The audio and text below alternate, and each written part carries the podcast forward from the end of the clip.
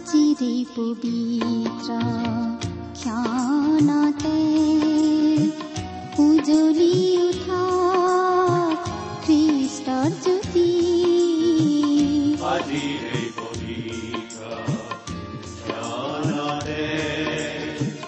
উজলি উঠা খ্ৰীষ্টৰ জ্যোতি আকাশ বতাহ মুখৰিত কৰি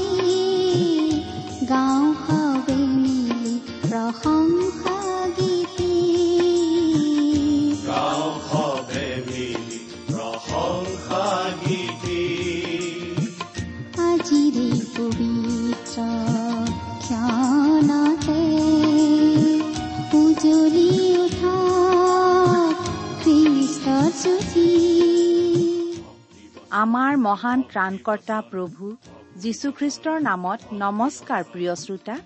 এয়া মুকলি কৰিবলৈ লৈছো বাইবেল অধ্যয়নৰ ধাৰাবাহিক অসমীয়া অনুষ্ঠান ভক্তি বচন।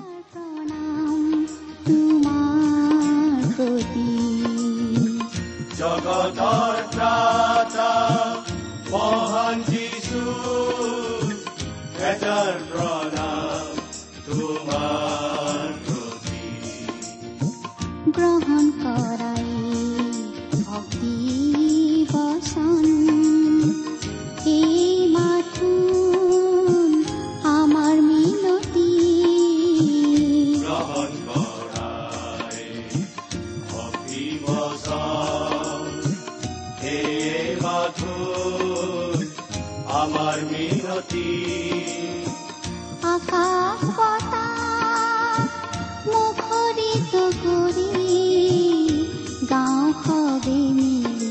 প্ৰশংসা গীতি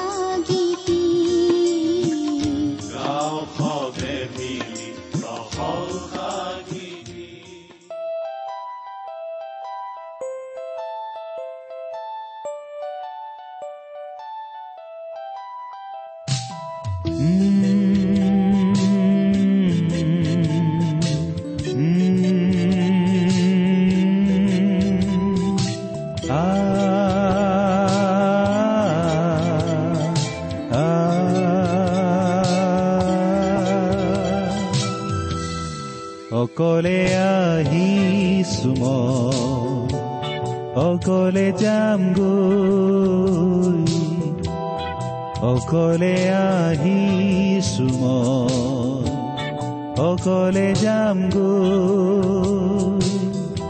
দুদিনীয়াই জীৱন নাত সামৰি থৈ অবিনয় দুদিনীয়াই জীৱন নাত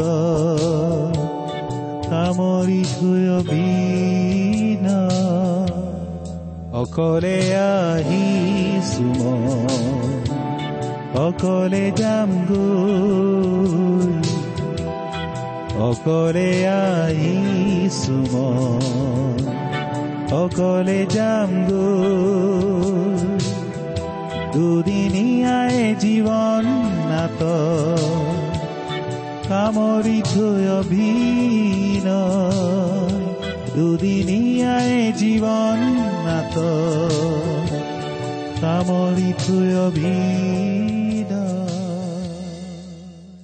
আমাৰ মহান ত্ৰাণকৰ্তা প্ৰভু যীশুখ্ৰীষ্টৰ নামত নমস্কাৰ প্ৰিয় শ্ৰোতা। আশা কৰো আপুনি ভালে কুশলে আছে। প্ৰিয় শ্ৰোতা আপুনি বাৰু আমাৰ এই ভক্তিপচন অনুষ্ঠানটো নিয়মিতভাৱে শুনি আছেনে? এই অনুষ্ঠান সম্বন্ধে আপোনাৰ মতামত আদি জনাই আমালৈ চিঠি পত্ৰ লিখিছেনে বাৰু? অনুগ্ৰহ কৰি আজি এই দুখাৰিমান লিখি পঠিয়াবচোন। আমাৰ যোগাযোগৰ ঠিকনা। ভক্তিবচন টি ডাব্লিউ আৰ ইণ্ডিয়া ডাক পাকচ নম্বৰ সাত শূন্য গুৱাহাটী সাত আঠ এক শূন্য শূন্য এক। ঠিকনাটো আৰু এবাৰ কৈছো ভক্তিবচন টি ডাব্লিউ আৰ ইণ্ডিয়া। ডাক পাকচ নম্বৰ সাত শূন্য গুৱাহাটী সাত আঠ এক শূন্য শূন্য এক। আহকচোন আজিৰ বাইবেল অধ্যয়ন আৰম্ভ কৰাৰ আগতে খন্তেক প্ৰাৰ্থনাত মূৰ দুৱাওঁ। আমি প্ৰাৰ্থনা কৰো। স্বৰ্গত থকা অসীম দয়ালু কৰুণাময় পিতা তোমাৰ তুলনা নাই তোমাৰ প্ৰেম তোমাৰ কৰুণা তোমাৰ অনুগ্ৰহৰ কথা আমি বৰ্ণনা কৰি শেষ কৰিব নোৱাৰো। প্ৰভু যীশুৰ যোগেদি তুমি আমালৈ যি অনুগ্ৰহ দেখুৱালা তাৰ বাবে তোমাক অশেষ ধন্যবাদ পিতা। এতিয়া আমি তোমাৰ মহান বাক্য বাইবেল শাস্ত্ৰ অধ্যয়ন কৰিবলৈ আগবাঢ়িছো। তোমাৰ বাক্য তুমিয়েই আমাক বুজাই দিয়া। এই অনুষ্ঠানৰ আৰম্ভণিৰ পৰা শেষলৈকে তুমিয়েই আমাৰ চলাওঁতা হোৱা। অনুষ্ঠান শুনি থকা প্ৰতিজন শ্ৰোতাৰ জীৱনত তোমাৰ মহান অনুগ্ৰহৰ আশীৰ্বাদ প্ৰকাশ পাই উঠিবলৈ দিয়া। কিয়নো এই প্ৰাৰ্থনা আমাৰ মহান ত্ৰাণকৰ্তা প্ৰভু যীশুখ্ৰীষ্টৰ নামত আগবঢ়াইছো।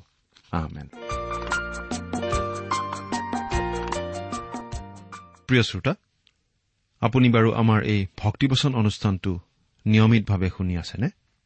আপুনি যদিহে আমাৰ এই অনুষ্ঠানটো নিয়মিতভাৱে শুনি আছে তেনেহলে আপুনি এই কথাটো নিশ্চয় জানে যে আমি এতিয়া বাইবেলৰ পুৰণি নিয়ম খণ্ডৰ দানিয়েলৰ পুস্তক নামৰ পুস্তকখন অধ্যয়ন কৰি আছো।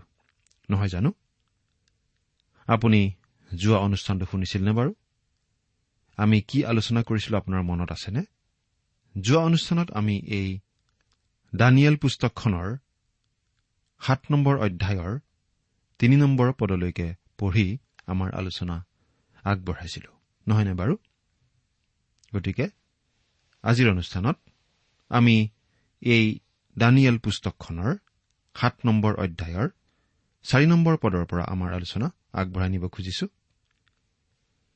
এই দানিয়েল পুস্তকখন হৈছে এখন ইতিহাসমূলক পুস্তক আৰু লগতে এখন ভাৱবাণীমূলক অৰ্থাৎ ভৱিষ্যৎবাণীমূলক পুস্তক।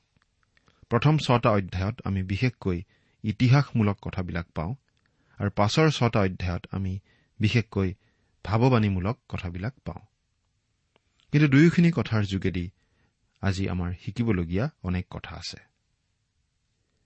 প্ৰিয় শ্ৰোতা আমি প্ৰায়েই উল্লেখ কৰি আহিছো যে যিহেতু আমাৰ এই অনুষ্ঠানটো বাইবেল অধ্যয়নৰ অনুষ্ঠান গতিকে এই অনুষ্ঠানটো শুনাৰ সময়ত লগত বাইবেলখন লৈ ল'লে ভাল হয়। আপুনি আপোনাৰ লগত বাইবেল মেলি লৈছেনে? আহক এতিয়া আমি মূল কথালৈ আগবাঢ়ি যাওঁ। প্ৰিয় শ্ৰোতা যোৱা অনুষ্ঠানৰ পৰা আমি এই দানিয়েল পুস্তকখনৰ এটা বিশেষ ভাগত প্ৰৱেশ কৰিছো। নহয় জানো? এই কথা আমি আগতে উল্লেখ কৰিছো। সাত নম্বৰ অধ্যায়ৰ পৰা আমি দানিয়েল পুস্তকৰ দ্বিতীয়টো ভাগত প্ৰৱেশ কৰো আৰু এই ভাগটোত আমি বিশেষকৈ ভাৱবাণীমূলক কথাবিলাক পাওঁ। এই ভাগটোত আমি পাওঁ দানিয়েল ভাৱবাদীয়ে দেখা কেইটামান ভৱিষ্যৎবাণীমূলক দৰ্শনৰ কথা। যোৱা অনুষ্ঠানত আমি যিখিনি কথা পঢ়িলো তাত আমি পাইছিলো যে দানিয়েলে এটা দৰ্শন দেখিছিল। তেওঁ দেখিছিল এটা এটাকৈ চাৰিটা বেলেগ বেলেগ জন্তু। আৰু আমি এই কথাটো আলোচনা কৰিছিলো এই জন্তু চাৰিটাই আচলতে চাৰিখন বিশ্ব সাম্ৰাজ্যক বুজায় আৰু আমি লগতে এই কথাটো উল্লেখ কৰিছিলো যে আজি আমি এই বিশ্ব সাম্ৰাজ্যকেইখনৰ শেষৰখন সাম্ৰাজ্যৰ দিনত বাস কৰি আছো। অৰ্থাৎ ৰোমান সাম্ৰাজ্যৰ শেষ সময়ৰ দিনত আমি আচলতে বাস কৰি আছো। এতিয়া আমি চাৰি নম্বৰ পদৰ পৰা আমি পাঠ কৰি যাম। দানিয়েল সাত নম্বৰ অধ্যায়ৰ চাৰি নম্বৰ পদ পাঠ কৰি দিম। যদি লগত বাইবেল আছে চাই যাব। যদি লগত বাইবেল নাই অনুগ্ৰহ কৰি মন দি শুনিব। প্ৰথমটো সিংহৰ নিচিনা আৰু কোৰৰ পক্ষীৰ ডেউকাৰ নিচিনা তাৰ ডেউকা আছিল। মই চাই থাকোতে থাকোতে তাৰ সেই ডেউকা দুখন তাৰ পৰা এৰুওৱা হ'ল।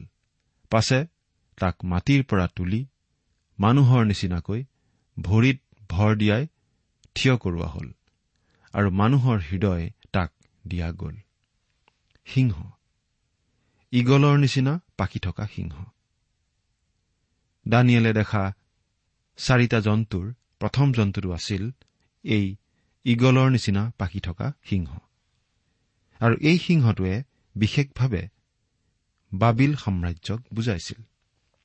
লগতে এই সিংহটোৱে বুজায় ৰজা নবুখত নেজৰক কাৰণ সোতৰ নম্বৰ পদত এই কথাটো জনাই দিয়া হৈছে যে জন্তু চাৰিটাই চাৰিজন ৰজাকো বুজায়।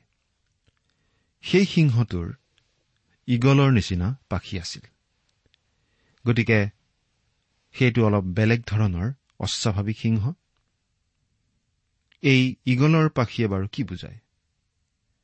এই ইগলৰ পাখীয়ে আচলতে এই কথাটো বুজাইছে যে বাবিল সাম্ৰাজ্যই নিজৰ সৈন্যবাহিনী অতি বেগেৰে এঠাইৰ পৰা আন এঠাইলৈ লৈ যাব পাৰিছিল। আচলতে ইতিহাসৰ পাতত আমি এই কথাই পাওঁ যে যিকোনো বিশ্বশক্তিৰ শক্তিৰ গোপন ৰহস্যটো এয়েই আছিল অতি বেগেৰে যুদ্ধযাত্ৰা কৰিব পৰা ক্ষমতা। এজন বিখ্যাত সেনানায়কক এবাৰ সোধা হৈছিল যুদ্ধত জয়লাভ কৰাৰ আচল ৰহস্যটোনো কি? তেওঁ কৈছিল যিজনে যিমান পাৰে সিমান অস্ত্ৰ শস্ত্ৰ আৰু সৈন্য শক্তি লৈ আগতে আক্ৰমণ চলাব পাৰে তেওঁৰেই জয় হয়। নবুখত নেচৰৰ এই ক্ষমতাটো আছিল। অতি বেগেৰে সৈন্য পৰিচালনা কৰাৰ ক্ষমতা। আৰু এইটো কাৰণতেই তেওঁ বিশ্ব সম্ৰাট হ'ব পাৰিছিল। এইটোৱেই গোপন ৰহস্য আছিল মহাবীৰ আলেকজেণ্ডাৰ ৰোমৰ চিজাৰবিলাক আৰু বিশেষকৈ নেপোলিয়নৰ। প্ৰথম মহাসমৰত উৰাজাহাজৰ আৱিৰ্ভাৱটো গুৰুত্বপূৰ্ণ আছিল আৰু তাৰ পাছত দ্বিতীয় মহাসমৰৰ সময়ত উৰাজাহাজৰ শক্তিৰেই আচলতে যুদ্ধ জয় কৰা হৈছিল। যিজনে প্ৰচণ্ড শক্তিৰে সকলোতকৈ আগতে গতি কৰিব পাৰে সেইজনেই বিশ্ব শাসক হ'ব পাৰিব। অতীতত বাবিলনৰ ক্ষেত্ৰত এই কথাটো সত্য বুলি প্ৰমাণিত হৈছিল। আৰু ভৱিষ্যতেও নিশ্চয় এইটোৱেই গুৰুত্বপূৰ্ণ কথা হ'ব। তাৰ সেই ডেউকা দুখন তাৰ পৰা এৰুওৱা হ'ল। ইয়াত বাৰু কি বুজোৱা হৈছে? সেই সিংহটোৱে বুজাইছে নবুখত নেজৰ ৰজাক। আৰু নবুখত নেজৰ ৰজাৰ ডেউকা দুখন গুচোৱা হ'ল। তাৰমানে নবুখত নেজৰ ৰজাই যে মানসিক বিকৃতিত ভুগি নিজকে সম্পূৰ্ণৰূপে পাহৰি গৈ জন্তুৰ নিচিনাকৈ পথাৰত বাস কৰিবলৈ গৈছিল সেই কথাটোকে বুজোৱা বুলি আমি অনুমান কৰিব পাৰোঁ। আৰু তাৰ দ্বাৰা নবুখত নেজৰ ৰজাক যে নম্ৰ কৰা হৈছিল সেই কথাটো প্ৰকাশ পাইছে। তাক মাটিৰ পৰা তুলি মানুহৰ নিচিনাকৈ ভৰিত থিয় দিয়াই থিয় কৰোৱা হ'ল। অৰ্থাৎ নবুখত নেজৰ ৰজাক যে পুনৰ সংস্থাপিত কৰা হৈছিল সেই কথাটো ইয়াত বুজোৱা হৈছে। তেওঁ এটা জন্তুৰ নিচিনা হৈছিল জন্তুৰ নিচিনাই আচৰণ কৰিছিল জন্তুৰ নিচিনাকৈ ঘাঁহ খাইছিল। কিন্তু তেওঁৰ মনটো আকৌ আগৰ অৱস্থালৈ ঘূৰাই অনা হৈছিল। তেওঁক আকৌ সুস্থ মগজুৰ মানুহ কৰি ঈশ্বৰে তুলিছিল। আৰু মানুহৰ হৃদয় তাক দিয়া গ'ল। আমি ভাবো ইয়াত নবুখত নেজৰ ৰজাৰ মন পালটনৰ কথাটো বুজোৱা হৈছে। আমি ভাবো জীৱন্ত আৰু প্ৰকৃত ঈশ্বৰক তেওঁ চিনি পাইছিল। তেওঁৰ সঁচাকৈয়ে পৰিৱৰ্তন হৈছিল। সিংহটোৱে বুজাইছে সোণৰ মূৰ অৰ্থাৎ বাবিলনক। আজি কিন্তু সেই বাবিলন ধ্বংসস্তূপ হৈ আছে। কিন্তু জুৰিমীয়া ভাৱবাদীয়ে আগতেই জনাই থোৱা মতে আজি বাবিলনৰ সেই ভগ্নাৱশেষে অতীতৰ বাহ্যিক জাক জমকতাৰ সাক্ষ্যকেই বহন কৰে। সেই ভগ্নাৱশেষৰ মাজত এঠাইত এটা গৰ্বী সিংহ বহি থকা চকুত পৰে আৰু সেই গৰ্বী সিংহই আচলতে সেই বিশাল সাম্ৰাজ্যখনক প্ৰতিনিধিত্ব কৰিছিল। বাবিলনত চলা খনন কাৰ্যই এসময়ত সেই দেশৰ যে অতি গৌৰৱময় অৱস্থা আছিল সেই কথাটোকেই প্ৰমাণ কৰিছে। বাবিলনৰ ওলোমা উদ্যানখন প্ৰাচীন জগতৰ সাতটা বিস্ময়ৰ মাজত এটা। নবুখত নেজৰ ৰজাই পৰ্বতীয়া ছোৱালী এজনী বিয়া কৰাইছিল। কিন্তু বাবিলনখন আছিল পৰ্বতৰ নামনিত সমতলত নিৰ্মিত নগৰ। গতিকে তেওঁ সেই ওলোমা উদ্যানখন নিৰ্মাণ কৰাইছিল যাতে ৰাণীৰ মনটো উৰুঙা উৰুঙা নালাগে ঘৰলৈ যাতে মনত নপৰে। সেই উদ্যান অতি সুন্দৰ আছিল। এটা বিশাল স্তম্ভও আছিল। আৰু এইটো বাবিলৰ স্তম্ভৰ অনুকৰণ আছিল যেন লাগে। এইটো নিৰ্মাণ কৰা হৈছিল ইটাৰে আৰু এই স্তম্ভটোৰ গাৰে পকাই পকাই ওপৰলৈকে খোজকাঢ়ি যাব পৰা বাট এটা আছিল। আৰু স্তম্ভটোৰ ওপৰত আছিল বেদী আৰু তাত নৰবলি দিয়া হৈছিল। বাবিলনীয়াসকলৰ অতি উন্নত দাস সেৱা আছিল। তেওঁলোকৰ পিতলৰ আচবাব লগোৱা গা ধোৱা ঘৰ আছিল। তেওঁলোক আছিল অতি শিক্ষিত আৰু বাবিলনত এটা বিশাল পুথিভঁৰাল আছিল। নগৰখনৰ চাৰিওফালে আছিল এখন তিনিশ ফুট ওখ দেৱাল আৰু ইমান বহল দেৱাল যে চাৰিখন ৰথ একেলগে চলি যাব পাৰিছিল। সেই ওখ দেৱালে নগৰখনক সুৰক্ষা দিছিল। বহু ধাতুৰে নিৰ্মিত সেই মূৰ্তিটোৰ সোণৰ মূৰটোৱে যদিও বাবিলনৰ বাহ্যিক আড়ম্বৰ আৰু গৌৰৱক বুজাইছিল এই বাবিলনীয়া সভ্যতাৰ হিংস্ৰ ৰূপটো পাশৱিক আৰু বৰ্বৰ ৰূপটো বুজাইছে সিংহই। বাবিলনৰ তেনে হিংস্ৰ ৰূপৰ উদাহৰণ আমি দানিয়েল পুস্তকৰ দুই আৰু তিনি নম্বৰ অধ্যায়তেই পাইছো। পাঁচ নম্বৰ পদ। পাছে মই আৰু এটা জন্তু দেখিলো। সেই দ্বিতীয় জন্তু ভালুকৰ নিচিনা। সি এফালৰ ভৰিৰে ভৰ দি উঠিল।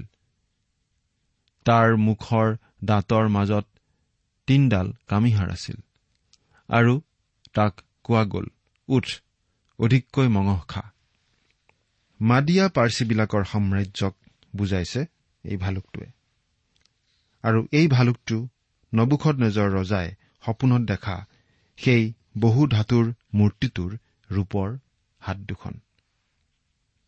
এই ভালুকটোৰ বিষয়ে কোৱা হৈছে যে সি এফালৰ ভৰিৰে ভৰ দি উঠিল। তাৰমানে বাৰু কি? ভালুকটোৱে এফালৰ ভৰিৰে ভৰ দি উঠিল। অৰ্থাৎ সেই ভালুকটোৱে এখনকৈ হাত ব্যৱহাৰ কৰি আক্ৰমণ কৰে। প্ৰথমতে সেই ভালুকটোৱে তাৰ শক্তিশালী বাওঁহাতেৰে অৰ্থাৎ মাদিয়া সৈন্য বাহিনীৰে বাবিলন আক্ৰমণ কৰি বাবিলন আঘাত কৰি বাবিলনখন অধিকাৰ কৰি ললে। তাৰ পাছত সেই ভালুকে সোঁহাত অৰ্থাৎ পাৰ্চীসকলৰ যোগেদি আক্ৰমণ কৰি বাবিলনীয়াসকলৰ হাতৰ পৰা মিছৰ আৰু পৃথিৱীৰ আন আন অংশ কাঢ়ি আনিলে। তাৰ পিছত সেইটোৰ বিষয়ে কি কোৱা হৈছে? যে তাৰ মুখৰ দাঁতৰ মাজত তিনডাল কামিহাৰ আছিল। ইয়াৰ পৰা আমি কি বুজি পাওঁ? ইয়াৰ পৰা আমি এইটোৱে বুজো যে মাদিয়া পাৰ্চীবিলাকৰ সাম্ৰাজ্যখন গঠিত হৈছিল তিনিটা বিশেষ ভাগক লৈ বাবিলন লুডিয়া আৰু মিছৰ। এই ভালুকটোৰ কিন্তু কোনো পাখি থকা বুলি কোৱা হোৱা নাই। এই কথাটো মন কৰক। কিন্তু এই ভালুকটোক এই বুলি কোৱা হৈছে উঠ। অধিককৈ মঙহ খা। এই কথাটোৰো এটা অৰ্থ আছে। সেই মাদিয়া পাৰ্চীবিলাকৰ সৈন্যবাহিনী এটা বিশাল লুডুৰ পুডুৰ ভালুকৰ নিচিনা আছিল। এফালৰ পৰা মহতিয়াই নিয়া ভালুকৰ নিচিনাকৈ সেই সৈন্যবাহিনী আগবাঢ়িছিল। তেওঁলোকে আনকি নিজৰ পৰিয়ালবোৰকো লগত লৈ গৈছিল। জেৰেক্সেছ নামৰ সেনাপতি এজনে প্ৰায় তিনি লাখ সৈন্য আৰু তিনিশ জাহাজ লৈ গ্ৰীকবিলাকৰ বিৰুদ্ধে থাৰ্মপলিত যুদ্ধ দিবলৈ আগবাঢ়ি গৈছিল। কিন্তু তেওঁৰ সেই সৈন্যবাহিনী ধ্বংস হৈছিল এটা ভয়ানক ধুমুহাত। অৰ্থাৎ তেওঁৰ নৌ বাহিনী ধ্বংস হৈছিল এটা ভয়ানক ধুমুহাত আৰু বাকী সৈন্যবোৰো গ্ৰীকসকলৰ হাতত পৰাস্ত হৈছিল। কাৰণ সেই বিশেষ সময়ত পূব দেশৰ লোকসকলে পশ্চিমীয়া দেশৰ ওপৰত নিয়ন্ত্ৰণ চলোৱাটো ঈশ্বৰে বিচৰা নাছিল। ছয় নম্বৰ পদ। তাৰ পাছত মই চাই আৰু এটা জন্তু দেখিলো। সি নাহৰ ফুটুকি বাঘৰ নিচিনা। তাৰ পিঠিত চৰাইৰ ডেউকাৰ নিচিনা চাৰিখন ডেউকা আছিল। আৰু সেই জন্তুৰ চাৰিটা মূৰো আছিল। তাক ৰাজ্যভাৰ দিয়া হল। নাহৰ ফুটুকি বাঘ। তৃতীয় জন্তুটো হৈছে নাহৰ ফুটুকি বাঘ। নাহৰ ফুটুকি বাঘৰ কথা আমি জানো যে এই নাহৰ ফুটুকি বাঘে নিজৰ অসহায় চিকাৰবোৰৰ ওপৰত অতৰ্কিতে জঁপিয়াই পৰি আক্ৰমণ কৰি আঘাত হানে। আৰু এই নাহৰ ফুটুকী বাঘটোৱে প্ৰতিনিধিত্ব কৰিছে গ্ৰীক মাকিদনীয়া সাম্ৰাজ্যক। মহাবীৰ আলেকজেণ্ডাৰৰ অধীনৰ সেই সাম্ৰাজ্যক। লগতে আলেকজেণ্ডাৰকো বুজাইছে। আৰু এই নাহৰ ফুটুকী বাঘটোৰ চাৰিখন পাখি থকা বুলি কোৱা হৈছে। চাৰিখন পাখি। এই কথাটোৱে মহাবীৰ আলেকজেণ্ডাৰে অতি বেগেৰে সৈন্য সঞ্চালন কৰি আক্ৰমণ কৰিব পৰা ক্ষমতাটোকেই আকৌ বুজাইছে। ইয়াৰ তুলনাত নবুখত নেচৰৰ সৈন্যবাহিনীৰ গতি আমি মন্থৰ বুলিয়েই ক'ব লাগিব। কাৰণ সেই সিংহটোৰ দুখন পাখি কিন্তু এই নাহৰ ফুটুকী বাঘটোৰ চাৰিখন পাখি থকা বুলি কৈছে। জগতত প্ৰতিপত্তি চলোৱা শক্তিশালী জাতিবোৰে আচলতে প্ৰবল বেগেৰে সৈন্য অভিযান চলাই আক্ৰমণ চলাব পৰা ক্ষমতা থকা কাৰণেই তেনে স্থান অধিকাৰ কৰিব পাৰিছিল। আৰু এই কথাটো আজিৰ যুগত বাৰু কেনেদৰে খাপ খায়? আজিৰ যুগত যুদ্ধৰ কৌশল নিশ্চয় সলনি হৈছে। আগৰ নিচিনাকৈ আজিকালিৰ সৈন্য সঞ্চালন নিশ্চয় নহয়। বৰ্তমান যুগত এই কথাটো কেনেদৰে খাটে? বৰ্তমান যুগতো সৈন্যবাহিনীৰ এই দিশটোত যথেষ্ট গুৰুত্ব দিয়া হয়। সৈন্যবাহিনীৰ এইটো দিশ শক্তিশালী কৰাটোত বিশেষভাৱে গুৰুত্ব আৰোপ কৰা হয়। আৰু আচলতে আজিকালি আৱিষ্কাৰ হ'ব ধৰা মিছাইল আদি সৈন্যবাহিনীৰ পাখিৰ নিচিনা। চাৰিটা মূৰ। চাৰিটা মূৰ মানে কি? সেই নাহৰ ফুটুকী বাঘটোৰ চাৰিটা মূৰ বুলি যে কৈছে এইটোৱে বুজায় যে মহাবীৰ আলেকজেণ্ডাৰে ত্ৰিশৰ দেওনা পাৰ হোৱাৰ পাছতেই মৃত্যুমুখত পৰা সময়ত তেওঁৰ গোটেই সাম্ৰাজ্যখন যে চাৰিটা ভাগত বিভক্ত হ'ব সেইটো কথা। বাবিলনৰ পতন হৈছিল মদ খাই মাত্ৰামী কৰি থকা অৱস্থাত। সেই বিষয়ে আমি ইতিমধ্যে পঢ়ি আহিছো বেলচছৰ ৰজাৰ বিষয়ে। আৰু মহাবীৰ আলেকজেণ্ডাৰৰো পতন এনেধৰণেই হৈছিল। অতিপাত মদ্যপান কৰাৰ কাৰণে। আৰু আজিৰ অৱস্থা? আজিৰ সমাজখনো ঠিক একেধৰণৰ বাটেৰেই আগবাঢ়ি গৈ আছে বুলি আমি ক'ব পাৰোঁ। নহয়নে বাৰু? আজি আমাৰ সমাজত মদ্যপান কৰাটো এটা গ্ৰহণযোগ্য কথা যেন হৈ পৰিছে। আজি আমি ডেকা ডেকেৰীসকলে ড্ৰাগছ সেৱন কৰাটোত বাধা দিব বিচাৰো। তাৰ বাবে নানা ধৰণে আমি প্ৰচেষ্টা চলাই থাকো। চলোৱাটো অনুচিত বুলি আমি ক'ব খোজা নাই। চলোৱাটো উচিত। কিন্তু ড্ৰাগছৰ ক্ষেত্ৰত আমি যেনেধৰণে সজাগ মদ্যপানৰ ক্ষেত্ৰত সমাজখন কিন্তু যথেষ্ট শিথিল যেন আমাৰ অনুমান হয়।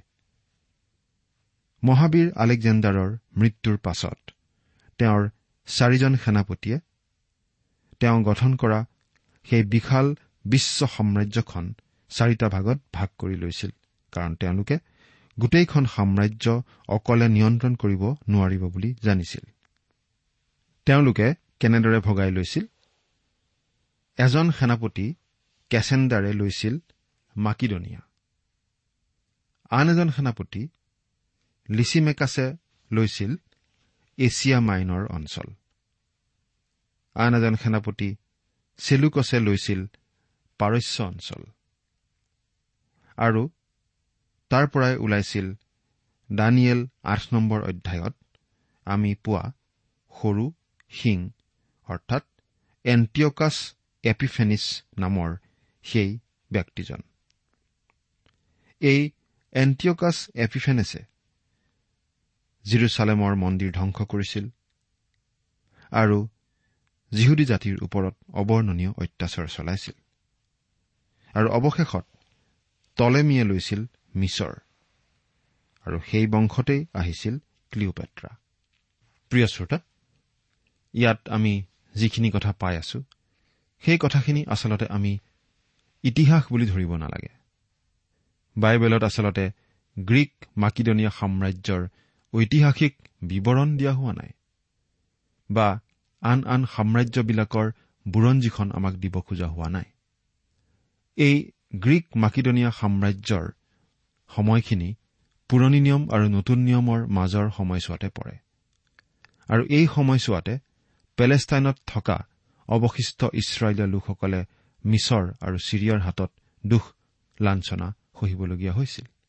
সেই সকলোবিলাক কথাৰ উল্লেখ বাইবেলত আমি নাপাওঁ যদিও সেই কথা আমি ইতিহাসত পাওঁ। কিন্তু ইয়াত আমাৰ বাবে প্ৰয়োজনীয় বিশেষ যিখিনি কথা সেইখিনি জনাই দিয়া হৈছে। এই গোটেই পৃথিৱীক লৈ ঈশ্বৰৰ যি কাৰ্যক্ৰম ঈশ্বৰৰ যি আঁচনি যি পৰিকল্পনা সেইটো জনাবৰ বাবেহে এই কথাখিনি আমাক জনাই দিয়া হৈছে।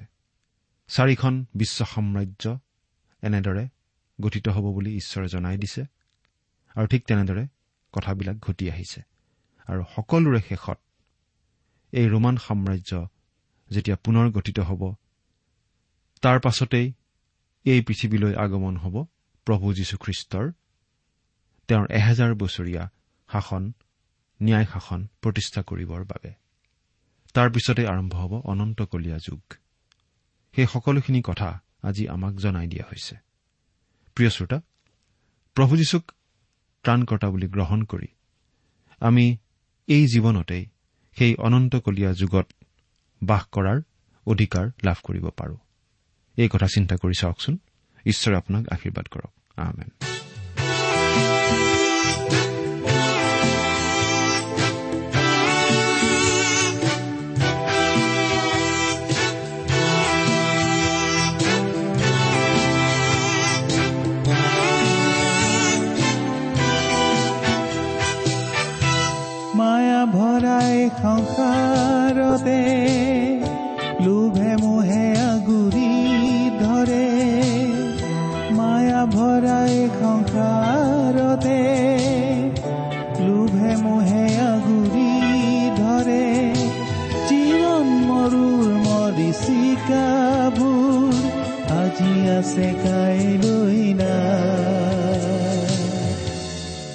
অকলে আহিছো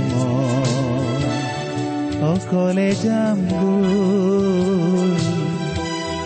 অকলে আহিছো অকলে যাম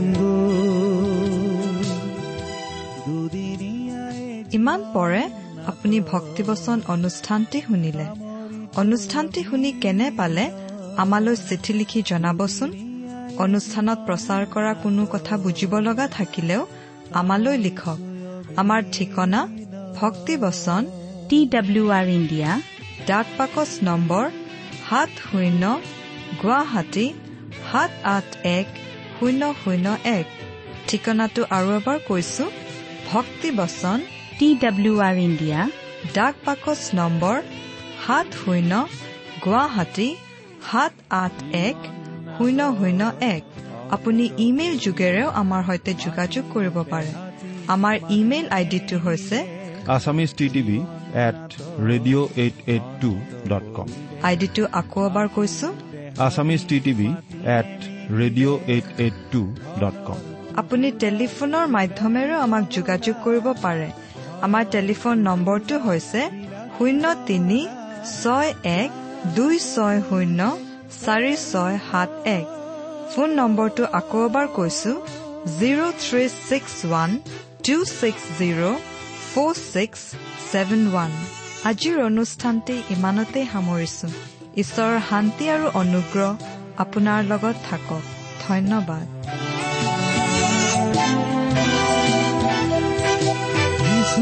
কাষতে সকলো আছে নম্ৰ মনেৰে আহো বিশ্বাসেৰে।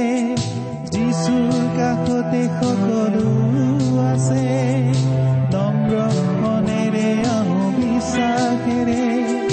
তেওঁতে জিৰণি পায় আজি মোৰ মৰণলৈ একো ভয় নাই। অকলে আহিছো।